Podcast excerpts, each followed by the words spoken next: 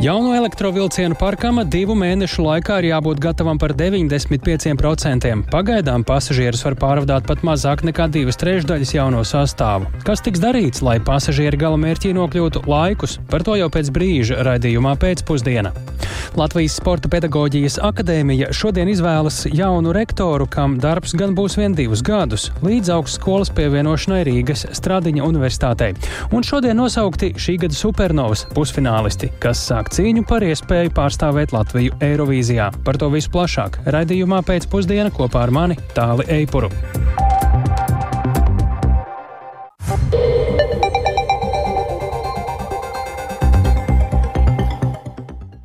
Pūkstens rāda 16,5 minūtes, skan pēcpusdienas ziņu programma, skaidrojot šodienas svarīgus notikumus.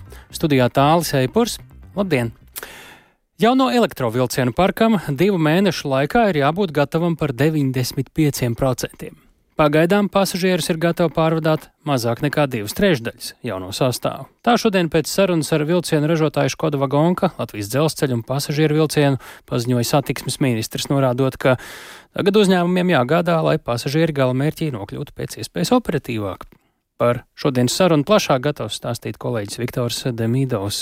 Sveiks, Viktor! Ko Latvijas uzņēmumu un amatpersonas darīs, lai pasažieri uh, nokļūtu savos galamērķos, un kā arī, starp citu, tehniskās ķibeles komentējuši Škoda pārstāvi. Tie atgādina, ka ir bijuši pamatīgi kavējumi pēdējā laikā. Jā, sveicināti uzņēmumu pasažieru vilciens rīcībā pat laban ir 17 sastāvi, bet uh, pasažierus var pārvadāt vien 10. Septiņos konstatētas problēmas, kas Škodē ir jānovērš, turklāt par savu naudu. Tas nozīmē, ka par konstatētajām problēmām Latvijas sabiedrībai maksāt nevajadzēs. Un tā šodien uzsvēra satiksmes ministrs Kaspars Briškens no progresīvajiem un, lai novērstu problēmas, Škoda savu speciālistu skaitu Latvijā ir teju trīskāršo gatavojusi, pat labam strādā ap 30 ekspertu, un kamēr viņi darbojas, nu, pasažieri turpina saskarties ar nērtībām. Nu, piemēram, šodien pasažieru vilciens vakardienas sala un arī mašīnistu slimošanas dēļ atcēlis septiņus reisus, trīs starp Rīgu un Saukrastiem, bet četrus starp Rīgu un Sloku. Bet eh, kādi ir risinājumi, lai pasažieru galamērķi nonāktu operatīvāk gadījumā, ja vilciens ir salūzis, stāsta Briškens. Pirmkārt, ir svarīgi, un šeit ļoti aktīvi strādā Latvijas dzelzceļš, nodrošināt rezerves lokomotīvas, īpaši šajā elektrificētā eh, tīkla ietvaros, lai varētu operatīvi nodrošināt eh, šo vilcienu aizvilkšanu gadījumā, ja vilcienam ir defekts, kā rezultātā vilciens nevar tālāk kursēt. Un ļoti svarīgi šobrīd arī pasažieru vilciens eh, strādā pie risinājuma, lai nodrošinātu rezerves autobusu pieejamību. Šie autobusi potenciāli varētu būt izvietoti nu, šajās četrās elektrificētajās līnijās tā lai eh, pēc iespējas īsākā laikā, gadījumā, ja vilciens ir apstājies un tālāk nevar kursēt, būtu pieejams šāds eh, operatīvs eh, transports. Vienlaikus apzināmies, ka šajā vilciena ieviešanas sākotnējā stadijā šādas ķibeles būs. Tālūk, satiksmes ministrs, ministrs Kaspars Briškens no progresīvajiem un, lai radītu mazāk nērtību, uzņēmums pasažieru vilciens pārplāno kursēšanas maršrutus, jaunos sastāvus vairāk novirzot uz aizkraukles un tukuma līniju, un tad pārējās līnijās Tātad uz Jelgavu, uz Skulti notiek aktīvi, nu, šajās līnijās notiek aktīvi infrastruktūras darbi, un tas nozīmē, ka tuvākajā laikā pasažieri, kas izmanto šīs abas līnijas, no ar jaunajiem vilcieniem brauks retāk. Biežāk tad kursēs tie vecie. Jaunajos elektrovilcienos ir arī konstatētas trīs problēmas. Šodien paziņoja Škoda Vagonka pārstāvi. Nu, viena no tām ir saistīta ar spriegumu. Tas attiecas uz vilci, Un, lai to novērstu atsevišķos sastāvos, risinājums jau ir augšu pielādēts, un turpmākajās dienās pārbaudīs, vai tas viss darbojas. Un uh, uzņēmumā arī atzīst, ka problēmas novērotas arī ar toaletes sistēmām un ar iekāpšanu un izkāpšanu no vilcieniem. Tad eksperti izvērtēja, nu, kā pielāgot durvju aizsardzības sistēmu, lai tā darbotos tagadējos apstākļos. Nu, vakar mīnus 25, un tad šodien ir nulle, un šādos apstākļos apstākļos, bet tad plašāk klausīsimies. Škoda vagonka vadītāja Martina Bednāru. Very, very Visi vilcieni tika ļoti strikti testēti, ievērojot visus standartus. Vilcienus mēs testējām 1200 km garumā. Kopumā veicām 80 testu, kas bija nepieciešami, lai atbilstoši standartiem veiktu certifikāciju. Rezultāti bija ļoti labi, bez lielām problēmām, bet vilcienos ir daudz potenciālo problēmu, kas var parādīties ikdienas braucienos ar pasažieriem. Mēs esam gatavi vilcienus salabot. Es zinu, ka tas nav attaisnojums, bet citās industrijās tā ir ierasta prakse. Tālūk Škoda vagonka vadītājs Martins Bednārs, un viņš arī teica, ka tuvāko divu mēnešu laikā Latvijā ir gaidāmi vēl četri sastāvi, nu, kurus tātad nodos jau pasažieru pārdāšanai, un šie sastāvi būs pārbaudīti uh, arī, nu, lai nebūtu tādas pašas problēmas kā esošajos 17 sastāvos. Savukārt, Mār, savukārt Jānis Rodžers Jānis Grigulis, pasažieru vilciens vadītājs, teica, ka tās specifikācijas ir tādas, ka vilcieni var darboties no mīnus 40 līdz pat plus 40 grādiem, un šādām problēmām, kādas ir novērotas, nu, viņām nu, nevajadzētu būt, un tās vispār nu, nav pieļaujamas. Tādi ir šodienas galvenie secinājumi. Paldies, sakām Viktoram Demīdovam. Tātad stāsts par jauniem elektrovilcieniem joprojām aktuāls un par to, cik veiksmīgi tie praksē darbojas. Tikmēr turpinās lemšana par bijušo dzelzceļnieku namu, jeb par vēl nesen tādā vēto Maskavas nama ēku. To plānots pārņemt valsts īpašumā, lai vēlāk visticamāk pārdot izsolē. Tā spriedusi Saimas aizsardzības iekšlietu un korupcijas novēršanas komisija, un jau šonadēļ par to varētu izlemt arī Saima. Par saimnes komisijas sēdē šodien lemto vairāk Jāņa Kīņša sagatavotajā ierakstā.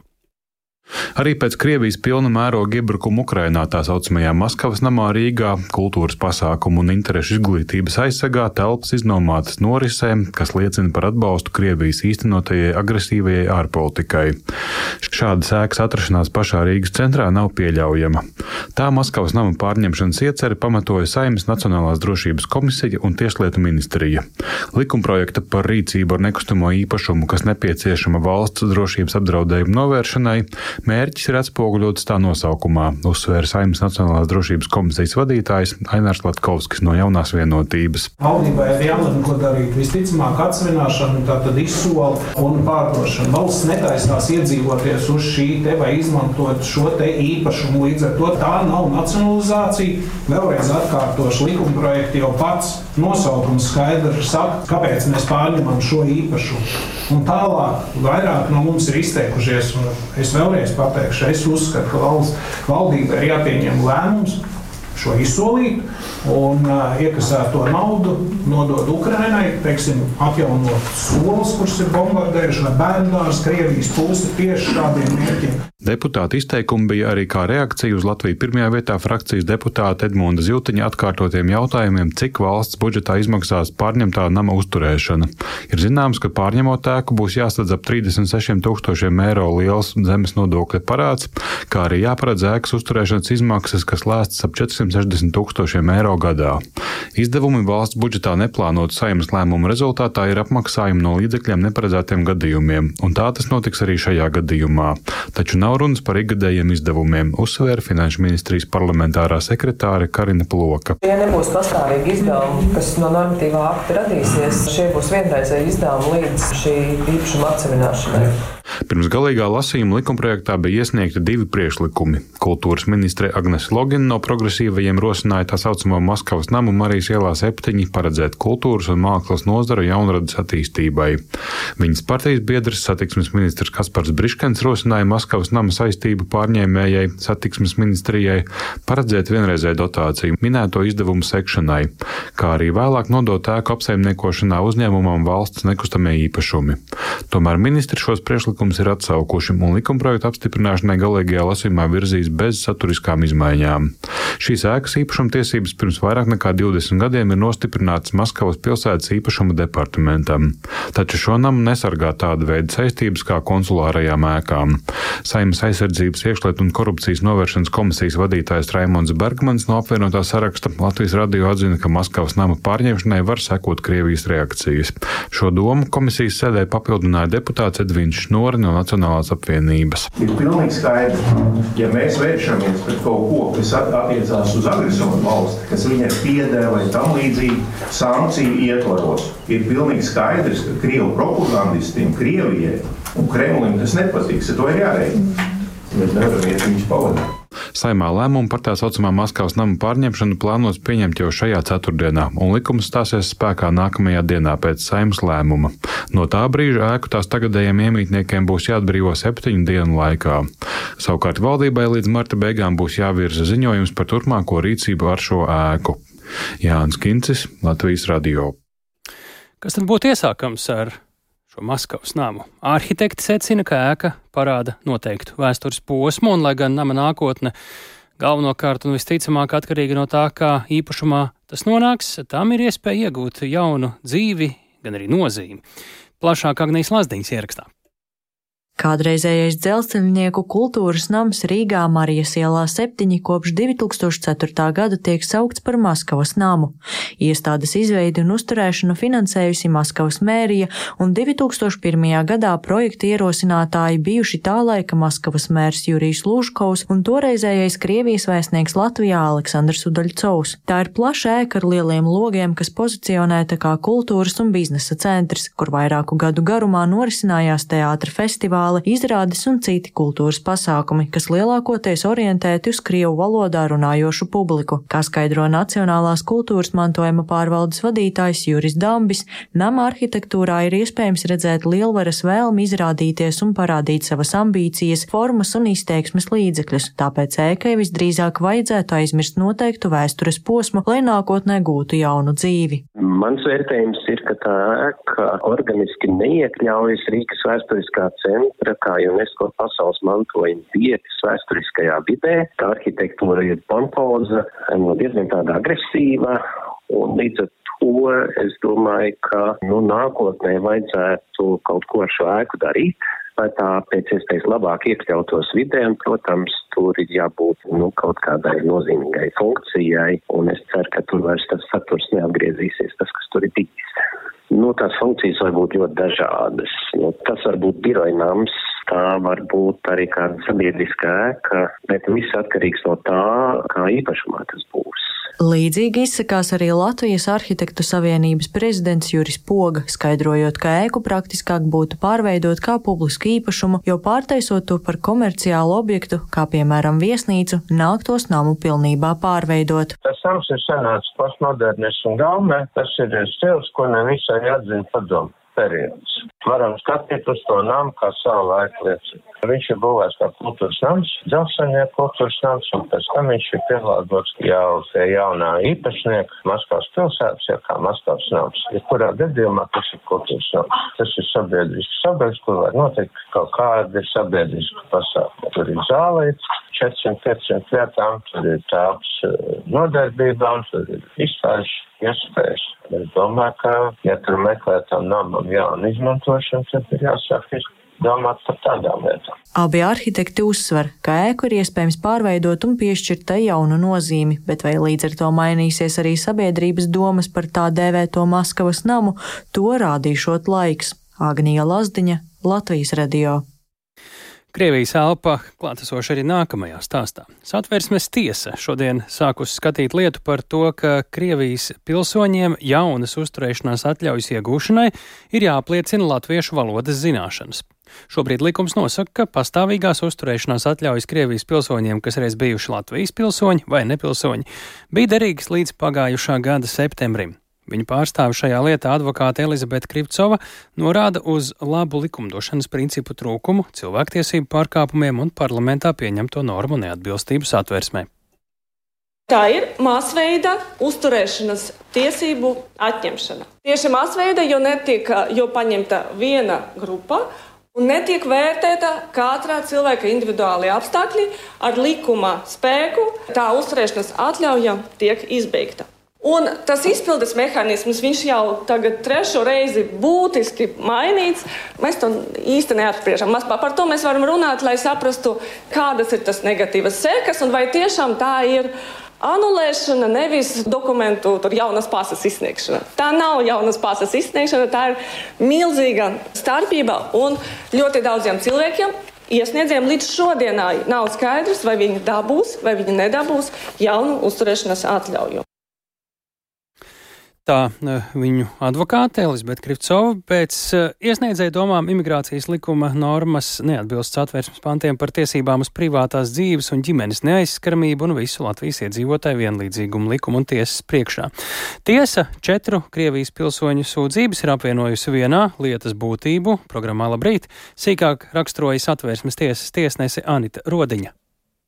Pirmā norma, kas ir apstrīdēta, paredz izslēgt no imigrācijas likuma to regulējumu, kas paredzēja, ka pastāvīgās uzturēšanās atļaujas var saņemt Latvijā dzīvojošs ārzemnieks, kurš pirms šīs citas valsts pilsonības iegūšanas bija Latvijas pilsonis vai Latvijas nepilsonis.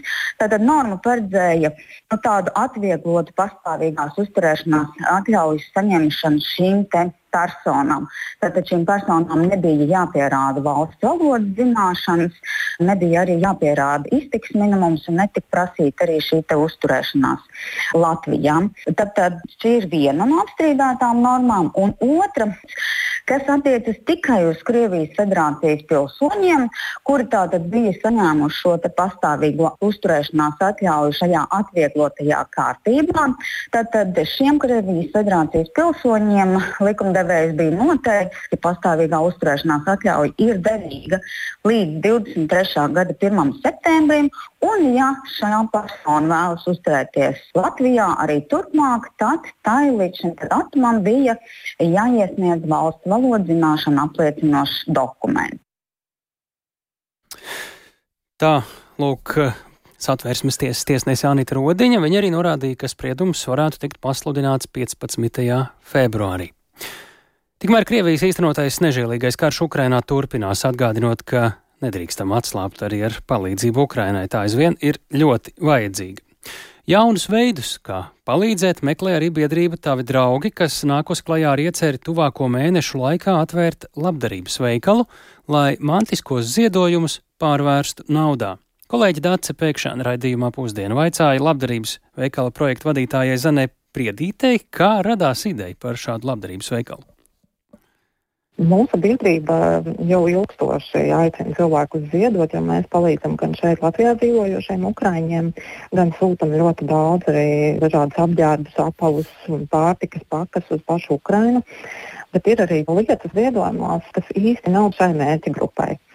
Bet tās ir ļoti labas un lieliskas lietas, kuras mēs arī gribam nu, laist labdarībā tālāk. Un tieši tāpēc mēs vēlamies ar šo labdarības veikalu piemēram, tādas lietas kā augstspējas kurpes, kaut kādas īpašas balles, tērpus pārvērst uh, finansiālos ziedojumos.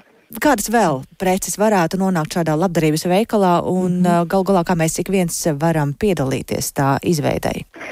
Šobrīd aicinām ikvienu Latvijas iedzīvotāju piedalīties šī labdarības veikala izveidē un ziedot mums mm, gan apģērbus, apavus, somas, accessorus, dažādus arī īpaši grāmatas, rotaļlietas, interjera priekšmetus, traukus, rotaslietas. Jebkas, kas varbūt kādam citam vēl ir noderīgs, bet jums pašam tas ir labā stāvoklī, bet vairs nav vajadzīgs. Šīs lietas varēs arī iegādāties labdarības veikalā. Kad veikals atvērsies, kur tas atradīsies? Ceram, ka tuvākā mēneša vai divu mēnešu laikā mēs jau vērsim šī veikala durvis vaļā. Pašā Rīgas centrā ļoti pieejams visiem. Mēs noteikti aicināsim visus nākt ciemos kā noteiksiet cenas, gal galā, kur arī nonāks šī nauda? Cenas būs nu, draudzīgas, teiksim, tā, lai, lai šī aprite notiek, bet arī tāpat laikā mēs novērtēsim šīs labās lietas, nu, nepiešķirot arī pārāk zemu vērtību tām, jo mūsu pamatmērķis ir iegūt šos finansiālos līdzekļus, lai mēs varam atbalstīt kara hospitāļus Ukrainā, arī dažādas civiliedzīvotāju vajadzības. Mūsu biedrības projektu vadītāji sadarbojās ar cilvēkiem, kas no Ukrainas mums izsaka šos pieprasījumus. Mēs apkopojam tās vajadzības un mēģinām saprast, ko mēs varam sarūpēt. Un bieži vien tās ir lietas, kuras mums nenoziedo neviens tāpat, bet mums viņas ir jāiegādājas. Piemēram, ir dažādi apsēji vai žņaugi karavīriem. Tāpat mums arī pieprasījums pēc rengena aparāta, inhalatoriem priekš bērniem. Un tās ir lietas, kas mums ir jāiegādājas jaunas. Kas eh, šo naudu apsaimniekos? Tie būsiet jūs paši vai tas ies cauri Ziedot LV, piemēram? Ziedot LV nav nekādā veidā saistīta ar mums. Mēs esam neatkarīga biedrība, tāda draugi, kas arī apsaimnieko līdz šim jau visu pastāvēšanas laiku, esam apsaimniekojuši šos līdzekļus, gan kurus mums ziedo tāpatās, gan arī turpmāk, kurus mēs iegūsim caur labdarības veikalu. Šis process katrā ziņā būs ļoti caurspīdīgs. To varēs precīzi iepazīties arī mūsu mājaslapā, kas un cik par cik ir iegādāts un kam noziedots. Nekur jau arī nepazūd tie līdšanēji jūsu īstenotie palīdzības veidi. Ja nav tomēr ko ziedot veikalam, atgādiniet, kā vēl mēs varam palīdzēt un kas tad šobrīd ir visvairāk vajadzīgs. Vienmēr var apskatīties mūsu mājaslapā tās būtiskākās aktualitātes. Tur ir stādaļām ziedotājiem, Un tur var redzēt arī visus šī brīža projektus, kur mēs vācam finansiālus ziedojumus.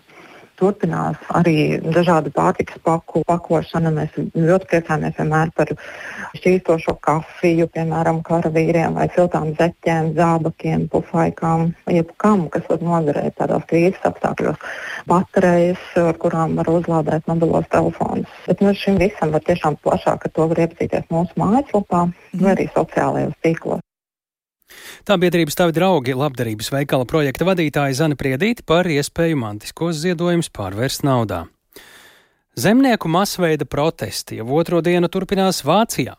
Lauksaimnieki ir neapmierināti ar valdības plāniem krasi samazināt subsīdijas dīzeļdegvielai, ko plaši izmanto dažādas tehnikas darbināšanai.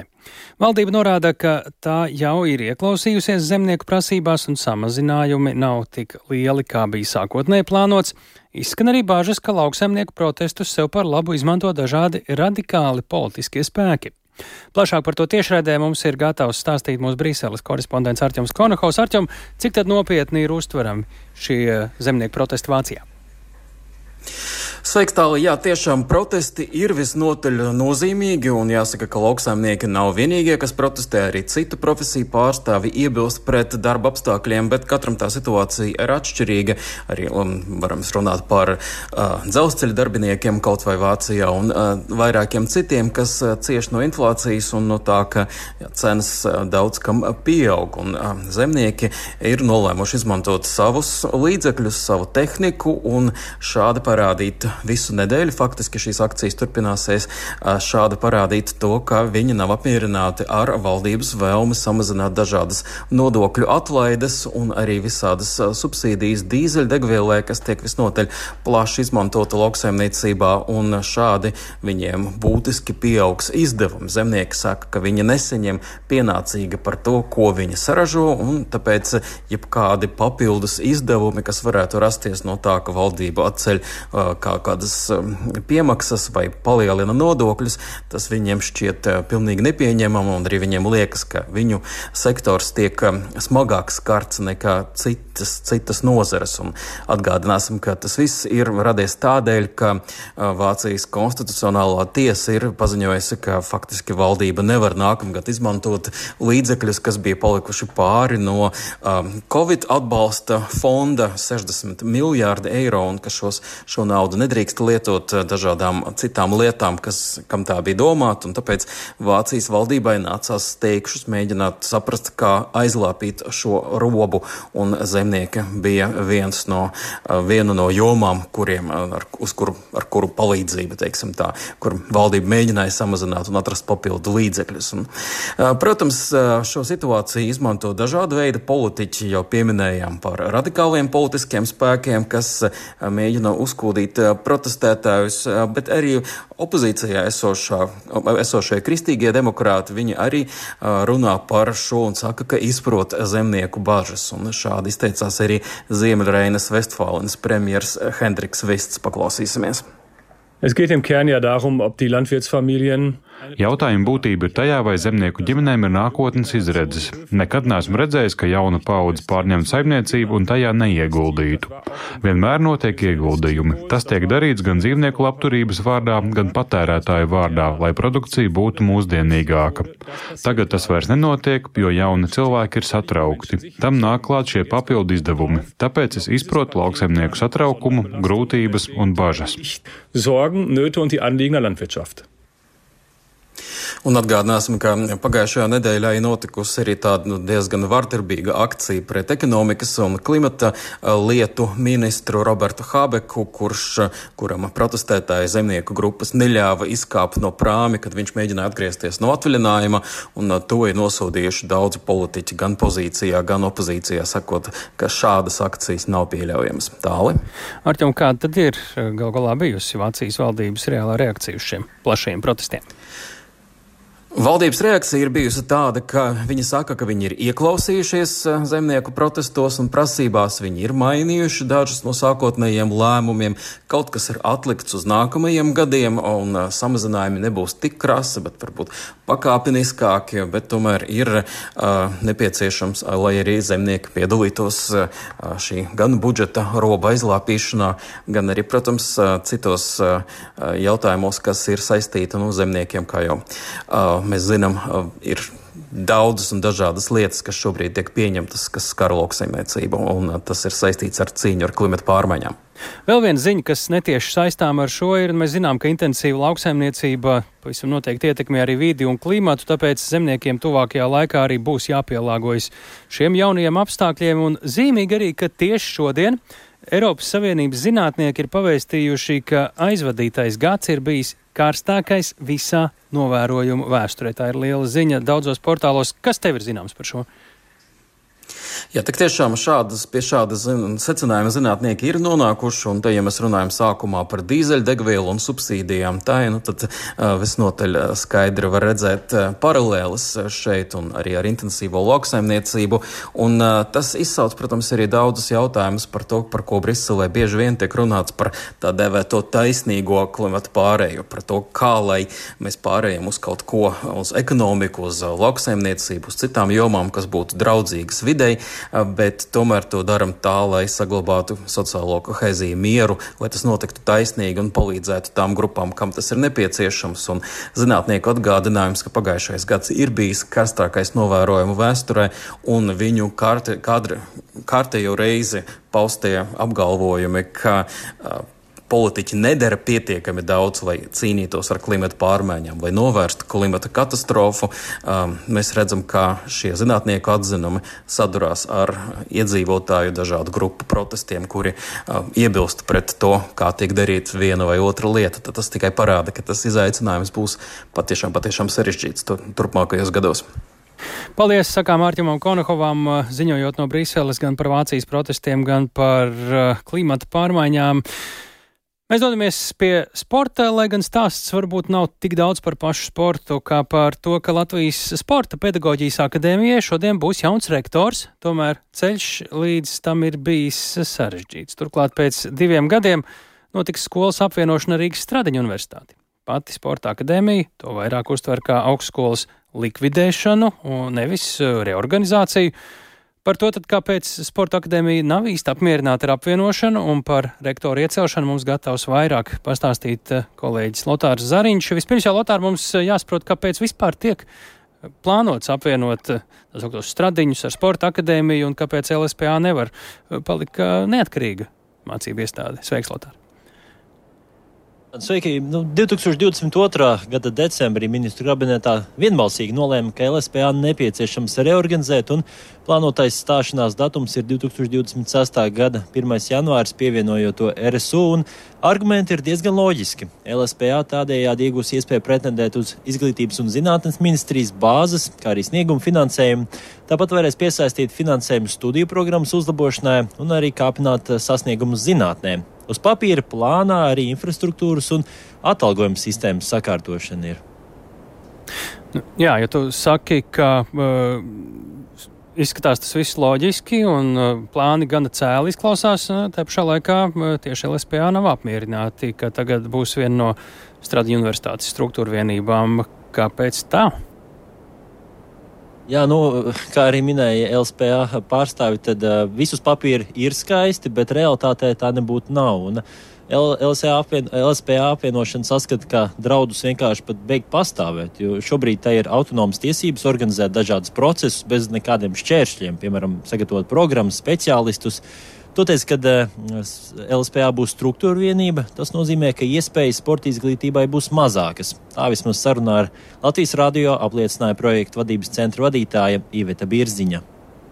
Mēs skatāmies, kā tas process notiek, amatpersonu rīcības dēļ, gan arī to, kādā veidā tie dokumenti tiek apstiprināti un cik ārkārtīgi steidzamā kārtā viņi tiek virzīti cauri, jo tuliņ būs tā lielā Eiropas nauda faktiski sanāk tā, ka patiesībā nerunājam par reorganizāciju. Patiesībā mēs runājam par likvidāciju. Bet eh, es kā pilsonis, piemēram, gribētu, lai valsts godīgi pasaka, ka tā nav nekāda reorganizācija, bet gan likvidācija. Simt gadus veca iestāde principā tiek iznīcināta, lai īstermiņā iegūtu šos finanšu līdzekļus 7,82 miljonu apmērā.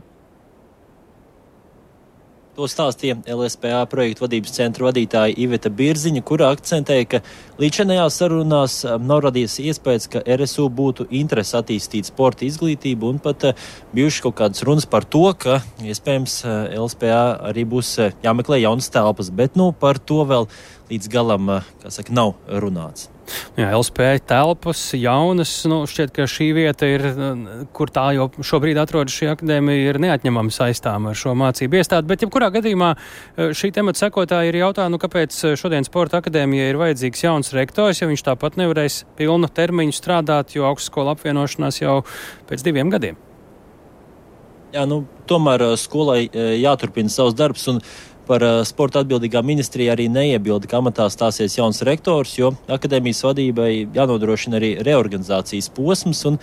Kā arī minēja LSPA projekta vadības centra vadītāja Iveta Birziņa, ka šodien nu, vajadzētu tikt ievēlētam jaunajam uh, rektoram, kas būs visdrīzāk slēpošanas katedras vadītājs Kalvis Ciekurs, par šo vēlēšanu procesu vairāk arī stāsta Iveta Birziņa šoreiz ir atklāts vēlēšanas, kas laikam ir atšķirība no iepriekšējā, teiksim, vēlēšanu kārtības kā tādas. Rektora izvēlēšanas process nebija tāds bez buksēšanas, bet tas ir pilnīgi visām augstskolām. Tas ir pilnīgi visām augstskolām viens un tas pats. Ja kādreiz bija tā, ka augstskola pilnīgi pati autonomi izlēma, kurš tad būs rektors, un tad viņu apstiprināja ministra kabinetā, tad šobrīd tātad šī izvēle veids eh, padomu. Speciāls lēmēju orgāns, kurš veic šo sākotnējo atlasi, tad viņi virza uz satversmes sapulci balsojumam. Tā bija Iveta Birziņa, un uh, pirms tam rektora amatā vēlējās stāties studiju prorektore profesora Andra Fernāte, taču LSPA satversme uh, neiebalsoja viņu rektora amatā, un jaunā rektora vēlēšana šodien sākās uh, pulksten 15.30, un ievēlēšanai jāiegūst vairāk nekā puse satversmes sapulces locekļu balsu. Vismaz pašreizējais LSPA rektors Juris Grants amatā stājās 2019. gada 22. janvārī, un viņa pilnvaru termiņš beigsies 21. janvārī. Un ko vēl var akcentēt, ka detalizēts akadēmijas reorganizācijas plāns jāizstrādā līdz šī gada aprīlim, tā kā abu skolu vadības vēl daudz reizes sēdīsies pie sarunu galda. Neizbēgami abas ir pietiekami ievērojams mācību iestādes eh, pie mums Latvijā. Tur būs daudz ko sarunāt. Eh, mēs sakām paldies Lotāram Zariņam, tātad eh, Latvijas Sporta pedagoģijas akadēmijai šodien. Gaidāms, ka būs jauns rektors, lai arī uz nepilnu divu gadu termiņu. Bet dalībai Latvijas televīzijas dziesmu konkursu Supernovu pusfinālā žūrija ir izvēlējusies 15 māksliniekus, kuri sacensties par iespējām Latviju pārstāvēt Eirovīzijas dziesmu konkursā. Zināmākais mākslinieks starp pus pusfinālistiem ir Dons, bet daudz ir arī jauno izpildītāju. Plānots, ka 3. februārī televīzijas tiešraidē pusfinālisti sacensties par iekļūšanu finālā, savukārt nedēļu vēlāk, 10. februārī, no desmit finālistiem izraudzīs to dziesmu, kas mājā pārstāvēs Latvijas Eirovīziju. Latvijas Eirovīzijas dziesmu konkursā Zviedrijas pilsētā Malmē. Nu, ātri nosaucot tos, kuri ir tikuši šajā pusfinālā, tad tie ir Agnēs Rakovska. Viņa ar grupu Trijāns Parks jau reiz pārstāvēja Latviju Eirovīzijas dziesmu konkursu finālā, taču šajā fināla posmā, bet pašā lielajā finālā netika. Dons šogad, mēs zinām, arī piedalās konkursā, kā jau kādreiz kāpis uz pretendentu skatuves konkursu pusfinālā tikuši arī Aleks Silvers, AVEI, BH, Katrīna Kupalo, Saint Leviča. Visi šie izpildītāji iepriekšējos gados jau reiz ir iemēģinājuši supernovas skatuves eh, dēļus, mm, bet ir arī debitanti Ekto, Edvards Strasdiņš, Funkinbase, Papīra lidmašīnas, of Kings, Patricijas Pāle, Saša Silo un arī vēstules. Latvijas Eirovīzijas delegācijas preses dienestu vadītājs, eh, vairāk gan zināms kā komiķis, un arī Eirovīzijas entuziasts Edgars Bāliņš pie mūsu klausulas. Sveiks, Edgars! Čau! Nu, Klau, žūrija izvēlējās. Tu nebija žūrijā drošības pēc mums jāpajautā. Es, ne, es nebiju žūrijā, ne. Ah, nebiju viss, žūrijā. Viss tīrs šajā sarunā. Kā tu vērtē? Kāds ir rezultāts žūrijas darbam? Jā. Nu, žūrijas darbam nu, bija iesūtīts pāris simtam dziesmu, mums atlasīts 15 labākās. Tā kā žūrijā parasti ir kompetenti, ļoti kompetenti ļaudis, man nav ne mazāk iemesla apšaubīt, ka 15 labākās arī tika izvēlētas. Uh, Nu, protams, kā, kā alaži ir kaut kas, kas izceļas. Ir jau viss interne, internetā, jau viss ir skaidrs, kurš uzvarēs. Visi Eirovīzijas blogi jau ir pateikuši savus lēmumus, lai gan neviens priekšnesums vēl pat nav redzēts. Kā ne? tur ir šobrīd? Publikai ir pieejams šīs dziesmas un video vai uh, tikai daļēji? Nu, vismaz tās 15. Pilnā, pil, uh, visas 15 dziesmas pilnā garumā ir dzirdamas uh, LTV Supernova YouTube, YouTube kontā. Aha. Un vi, var iepazīties uh, visi gribētāji jau, jau tūlīt pat. Aha. Tu esi visu jau no sākuma līdz beigām noklausījies? Es, pārsvarā izskrēju cauri, dažas, dažas vēl tā līdz galam nenoklausījies, bet nu, doma ir skaidra man visādi, kas visās notiekās. Ir patīkams pārsteigums par dažiem jaunajiem, kurus vispār nedzirdēti vārdi. Un, nu, ja pieņem, tā kā, nu, gaisā virmo doma, ka mums ir kāds favorīts iespējams kaut kur dzirdēts, bet nu, atgādinās, ka šis ir jauno mākslinieku konkursu, un daudziem būs iespēja sev pavādīt, parādīt Latvijas televīzijas ekrānā pašā labākajā laikā un, un nu, atstāt kaut kādus nospiedumus un, un, un pirmos soļus savā mūzikas karjerā spērt ļoti plašus. Mm -hmm. nu, tagad uh, runā kā Eirovīzijas delegācijas preses dienesta vadītājs, bet tagad pajautāsim, kā Eirovīzijas entuziastam. Nu, uh, šobrīd ir izskatās, ka no šajā sarakstā redzamajām dziesmām jau ir diezgan skaidri, kuri diezgan droši tiks vismaz Latvijas finālā, un varbūt arī tev jau ir tā, ka tu jau biļeti vismaz diviem, trim esi gatavs iedot uz lielo finālu, kā tur sabalsos, tur vēl jāskatās. Mm -hmm. Nu, es teiktu, jā, es domāju, ka par finālu var būt droši eh, daži, daži, daži no vārdiem. Eh, tie, tie, nu, tie zināmākie vārdi, kas ir, es domāju, ka tiem vajadzētu nonākt arī Latvijas finālā. Nu, un uz Zviedriju, eh, kas brauks, nu, tas, protams, viss atkarīgs no žūrijas un no skatītājiem būs. Bet nu, es domāju, ka tur arī ir diezgan stingri, diezgan spēcīgi favorīti jau ir, ir izšķetinājušies.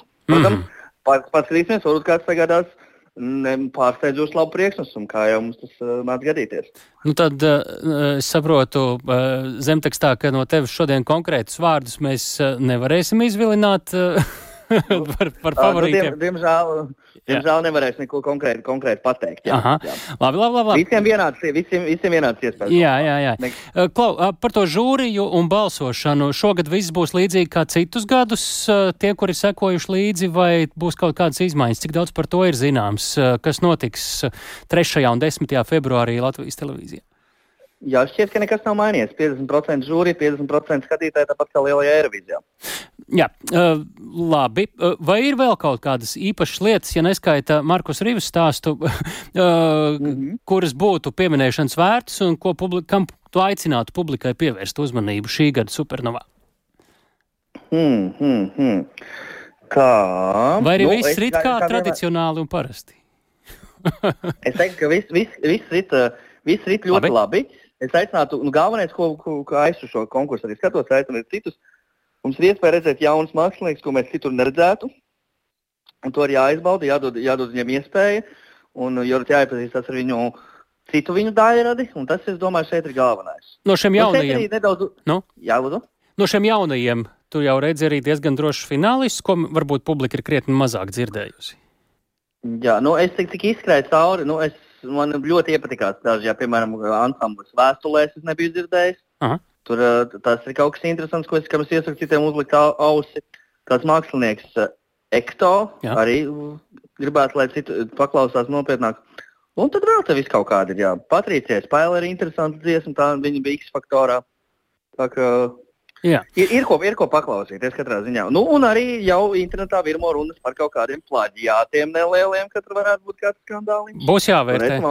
Būs jāvērtē. Nu, Klau, par pašu svarīgāko, tad es jau te pieminēju sociālajie tīkli pirmo, ko pamanīju, nevis to, ka, kas ir iekļuvuši šajā, Jā. uh, bet kas nav iekļuvis. Tas ir Markus Rīva, viņš Jā. nav pat pusfinālā šoreiz. Jā. Nu, uh? Ko šeit piebilst? Tas ir Nu, nebijis šis notikums ilgu, ilgu gadu laikā. Jā. Ļoti ilgu laikā. Jā. Nu, es teiktu, šis gads nāk ar ļoti, ļoti, ļoti, ļoti lielu salu. Jā, teiksim, tā mūzikā arī. Jo paskaties, nav Markus Rīva supernovā, un kas ir vēl trakāk, Ivo Fomins no muzikālajā bankā. Uz ko tas viss veda? Es nezinu. Jā, nu te ir Jauna- jāizvērtē jauna nopietni, jauna kur mēs esam nonākuši. Jā. Paldies, Jā, paldies, jāpadomā, jā. paldies Edgar, uh, Edgars Bāliņš, Latvijas Eirovīzijas delegācijas preses dienesta vadītājs, zināms arī kā komiķis un arī Eirovīzijas entuziasts bija pie mūsu klausulas. Šis bija ziņu raidījums pēcpusdienā, to veidoja tāls Eipurs, Ilza Agīnta, Ulds Grīmbergs, sievietes zvejniece. Mēs tiekamies kā katru darbdienu arī rīt pēc 16 un 5.